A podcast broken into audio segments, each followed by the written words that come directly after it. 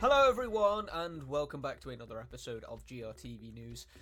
You can probably already guess what we're going to be talking about today. We've been talking about it all week, and it's uh, it's again, it's Palworld. Now, the reason why we're talking about today is not just because it's hit another sales milestone, not just because it's reached another really impressive player number on Steam. It's not just because of the roadmap that was announced yesterday.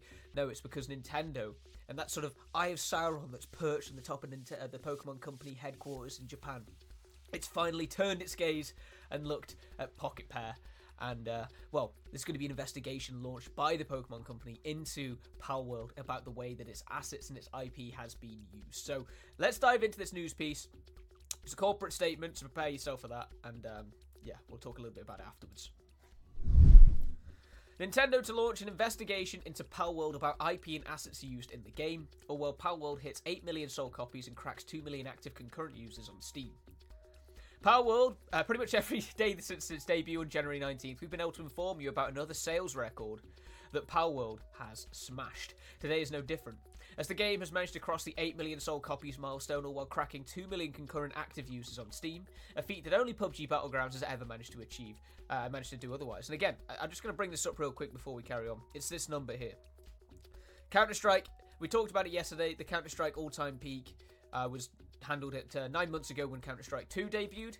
Um, World has already cracked 2 million, which uh, hitting 2 million is like a mythological figure when it comes to all time peaks, concurrent player peaks on Steam. Because the only thing that's ever done it otherwise is PUBG, and now that's hit 3.3 million. I don't think anything's ever going to catch up with that unless there's some remarkable launch. But um, I think Palworld's going to really struggle to, to to get much closer to the 3.2 um, million mark. But anyway, that's a different story altogether. So um, yes, uh, but it's not all hunky dory for Pocket Pair's monster catching title. Uh, as the success of Palworld has finally drawn the gaze of the Pokemon Company. In a new corporate brief, TPC has announced that it is launching an investigation into Palworld and the intellectual property or assets that have been used in the game. This will no doubt include exploring concerns that many of the Pals in Palworld use models and designs that resemble Pokemon creatures.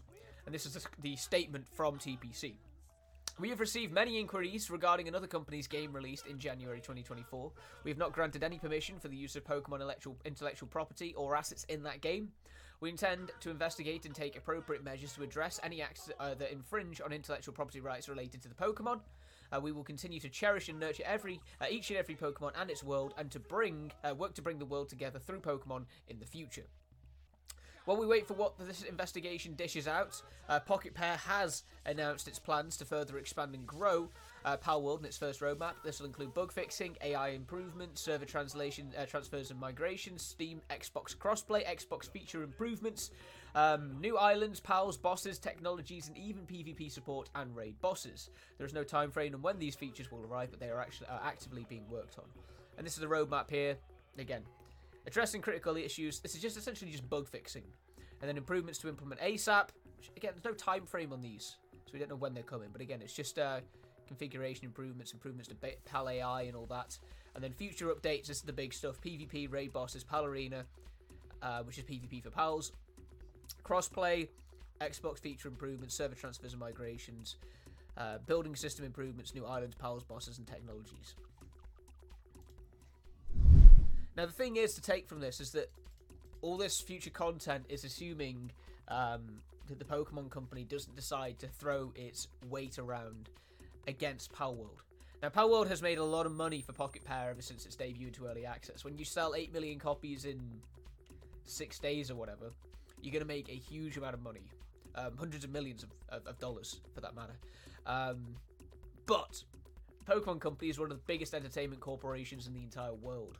And uh, if the Pokemon Company decide that there has been some infringements with the way that Palworld's creatures have been created, and they decide to take legal action, I would say that Pocket Pair are going to have a very difficult time to support the the, the, the proceedings that will follow.